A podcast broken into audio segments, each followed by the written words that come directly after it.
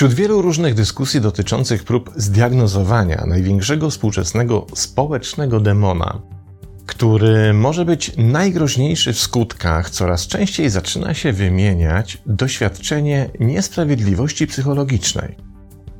To najprawdopodobniej rodzaj fenomenu, bo kiedy mu się zaczynamy przyglądać, jednocześnie odkrywamy, jak jest powszechny i ze zdumieniem się orientujemy, że jego konsekwencje psychologiczne, a dodajmy naprawdę poważne i dla nas wszystkich destrukcyjne, wydają się w ogóle nikogo nie interesować.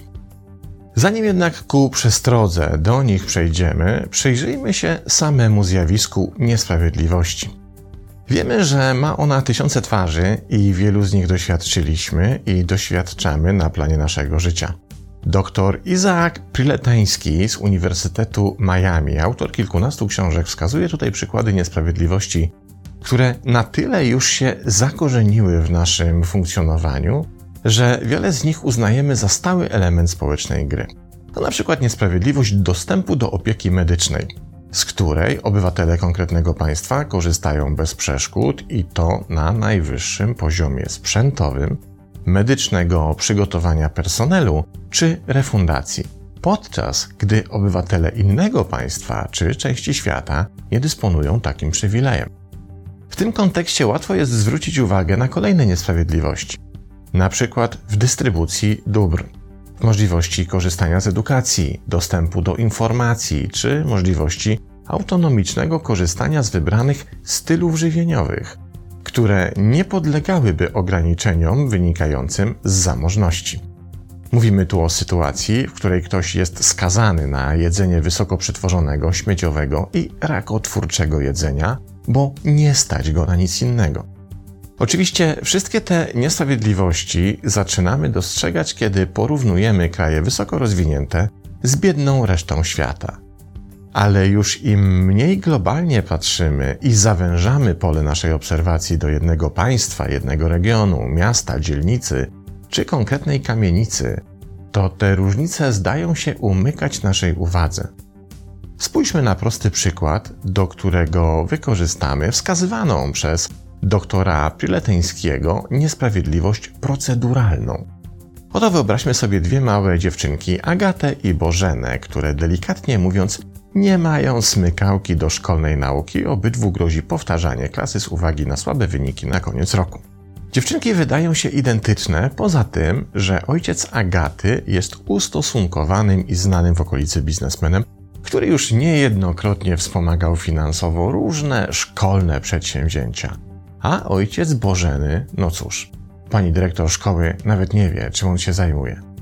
Czy aby na pewno podejście do rozwiązania problemu powtarzania klasy w obydwu tych przypadkach będzie takie samo? Drugi przykład. Tym razem przenosimy się do urzędu, gdzie w kolejce na wydanie istotnej urzędniczej decyzji czekają dwie osoby. Celina, która nikogo nie zna i z nikim jej nigdy nie widywano, oraz Dagmara, która zupełnie przypadkiem właśnie wczoraj spędziła wraz z mężem uroczy wieczór, jedząc kolację w towarzystwie burmistrza, mera czy sołtysa i jego żony. Wymieniam te funkcje nie bez powodu, bo ten sytuacyjny wzorzec może mieć równie dobrze miejsce w Castle Rock pod Denver, w Langon niedaleko Bordeaux, czy też u nas, bliżej niż nam się wydaje. Oczywiście rodzajów niesprawiedliwości jest całe mnóstwo i nie starczyłoby dnia, by je wszystkie wymienić. Niemniej to, co je wszystkie łączy i co jest jednocześnie brakującym ogniwem medialnej czy naukowej dyskusji o tych zjawiskach, jest efekt niesprawiedliwości psychologicznej. To każda sytuacja, w której nasz kognitywny system rozpoznaje przesłanki umniejszania naszego znaczenia w zestawieniu z obiektem naszych porównań, w efekcie których natychmiast uruchamiany jest alarm obniżenia poczucia wartości. A tak się nieszczęśliwie składa, że potrzeba znaczenia i postrzegania samego siebie w odpowiednich rejestrach wartości stanowi dla naszego systemu psychologicznego fundamentalną potrzebę, atawistycznie związaną z lękiem o przetrwanie. czyli najbardziej podstawowym instynktem charakteryzującym wszystkie żywe istoty. Odziedziczyliśmy ten atawizm po jaskiniowcach, wśród których plemienna utrata znaczenia skazywała danego osobnika na śmierć. Jeśli bowiem dana społeczność uznawała, że jest on w jej szeregach mniej wartościowy od innych, to czyniło to z niego pierwszego kandydata do pozostawienia na pastwę losu w trudnych sytuacjach lub też wystawienie na pożarcie atakującemu drapieżnikowi, by w tym czasie reszta mogła się bezpiecznie schronić. Zmniejszenie wartości więc oznaczało jednocześnie odebranie poczucia bezpieczeństwa, zabranie dostępu do możliwości prokreacji czy gromadzenia zapasów na zimę. Po co ci zapasy? zdawał się mówić miejscowy szaman. Jak przyjdzie sroga zima i zabraknie nam żarcia, to ciebie zeżremy w pierwszej kolejności, to nawet w wersji bez przypraw. Odebranie znaczenia ma więc dla nas kolosalne znaczenie. Jest tak silnym uderzeniem w stabilność systemu, że wiele osób tego po prostu nie wytrzymuje, bo doświadczenie psychologicznej niesprawiedliwości jest pogwałceniem fundamentalnej potrzeby społecznego znaczenia i jednocześnie dewaluuje to, w jaki sposób postrzegamy bycie cenionym przez innych, a w konsekwencji odbiera nam argument do tego, byśmy wewnątrz systemowo cenili samych siebie. Bo by się oprzeć zewnętrznemu odebraniu znaczenia i mimo to zbudować je na planie wewnętrznym, trzeba odpowiednio wysokiego poziomu świadomości, której tu ponownie, niezależnie od tego, czy mówimy o Castle Rock, czy Niegdziesiowie, jest póki co udziałem osób, których ilość na planie społecznym jest wciąż na poziomie statystycznego błędu. I nie ma tutaj znaczenia, czy źródłem naruszenia naszego poziomu doświadczania niesprawiedliwości psychologicznej jest płeć, rasa, wyznawana religia, system wartości, orientacja seksualna, niepełnosprawność, pochodzenie społeczne czy poziom zamożności w kontrze do poziomu biedy. To, czy doświadczamy jej w przemocy domowej, w życiu prywatnym czy w pracy, kiedy jesteśmy traktowani gorzej od innych, czy niesprawiedliwie oceniani lub narażeni na zmagania się z takimi trudnościami i przeszkodami, których nie doświadczają inni. To, czy jesteśmy wykluczani, marginalizowani czy wyśmiewani. Odebranie znaczenia we wszystkich tych obszarach rani nas dokładnie na tak samo głębokim poziomie, za co będzie trzeba zapłacić konkretne psychologiczne koszty.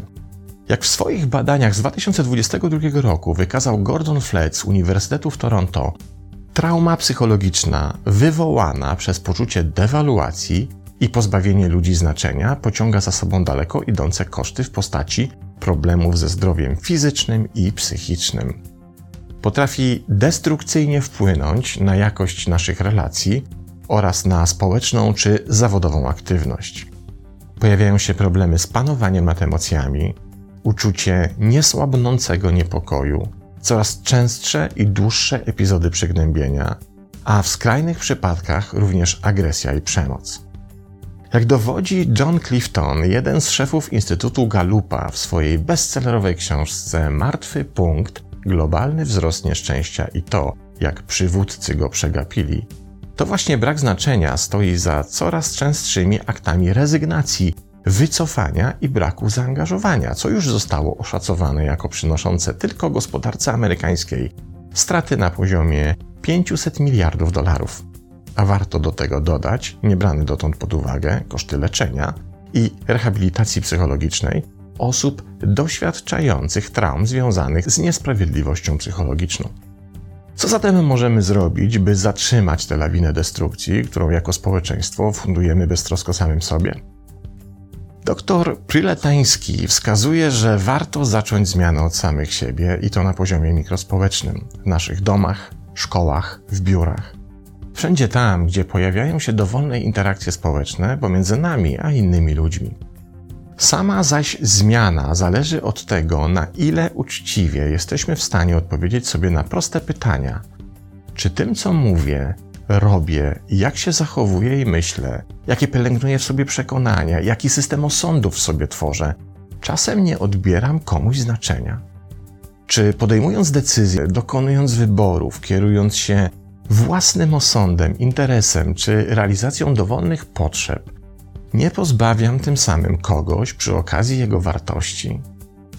Czy wchodząc w dowolne interakcje z innymi, opowiadając swoje historie i umieszczając w nich innych, nie kwestionuję ich prawa do znaczenia? Czy poprzez moje społeczne preferencje, kierowanie się własnymi upodobaniami, a czasem dumą czy ambicją, jednocześnie nie odbieram komuś jego fundamentalnej potrzeby poczucia się tak samo społecznie istotnym jak wszyscy inni. Być może zrobienie takiego dogłębnego rachunku sumienia i co za tym idzie, dokonanie małej zmiany u siebie nie spowoduje, że świat od razu stanie się lepszy, ale może chociaż w najmniejszym wymiarze przestanie stawać się coraz gorszy. Pozdrawiam.